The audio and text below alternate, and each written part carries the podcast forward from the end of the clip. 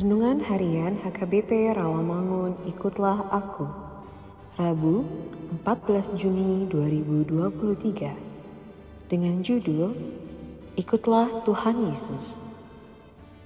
Bacaan kita pagi ini tertulis dalam 1 Raja-Raja 6 ayat 1 sampai 13 Bacaan kita malam ini tertulis dalam Yohanes 4 ayat 1 sampai 42 dan kebenaran firman Tuhan yang menjadi ayat renungan kita hari ini terambil dari Matius 19 ayat 29 yang berbunyi, Dan setiap orang yang karena namaku meninggalkan rumahnya, saudara laki-laki atau saudara perempuan, bapak atau ibunya, anak-anak atau ladangnya, akan menerima kembali seratus kali lipat dan akan memperoleh hidup yang kekal.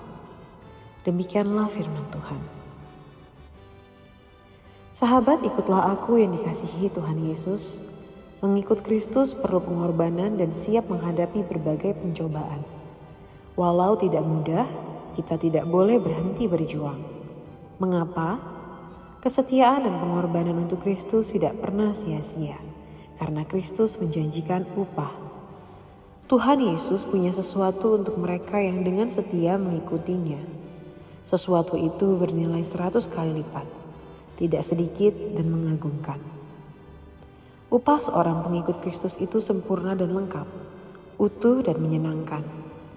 Apa yang ditinggalkan demi mengikut Kristus akan diperoleh kembali, bahkan diperoleh sebanyak seratus kali lipat. Upah itu akan diterima di surga, bukan di dunia.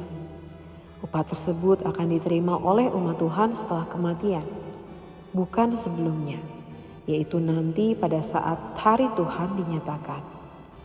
Pekerjaan seseorang akan diuji oleh api pada hari Tuhan.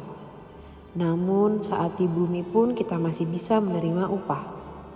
Di dunia, kita dapat melihat begitu banyak penghargaan dan tanda jasa yang diberikan kepada orang-orang yang hebat, berjasa, dan yang telah melakukan tugas dan panggilannya sebagai pengikut Tuhan. Yesus akan segera datang dan dia membawa upahnya untuk membalaskan kepada setiap orang menurut iman, kasih karunia, dan perbuatannya. Janji Tuhan pasti digenapi, karena Tuhan itu setia dan ia akan menepati janjinya. Biarlah kita memiliki pengharapan kepada Allah yang setia. Amin. Marilah kita berdoa. Ya Tuhan Yesus, Ajari kami untuk setia dalam panggilan yang kami miliki, supaya kami memperoleh apa yang Tuhan anugerahkan. Amin.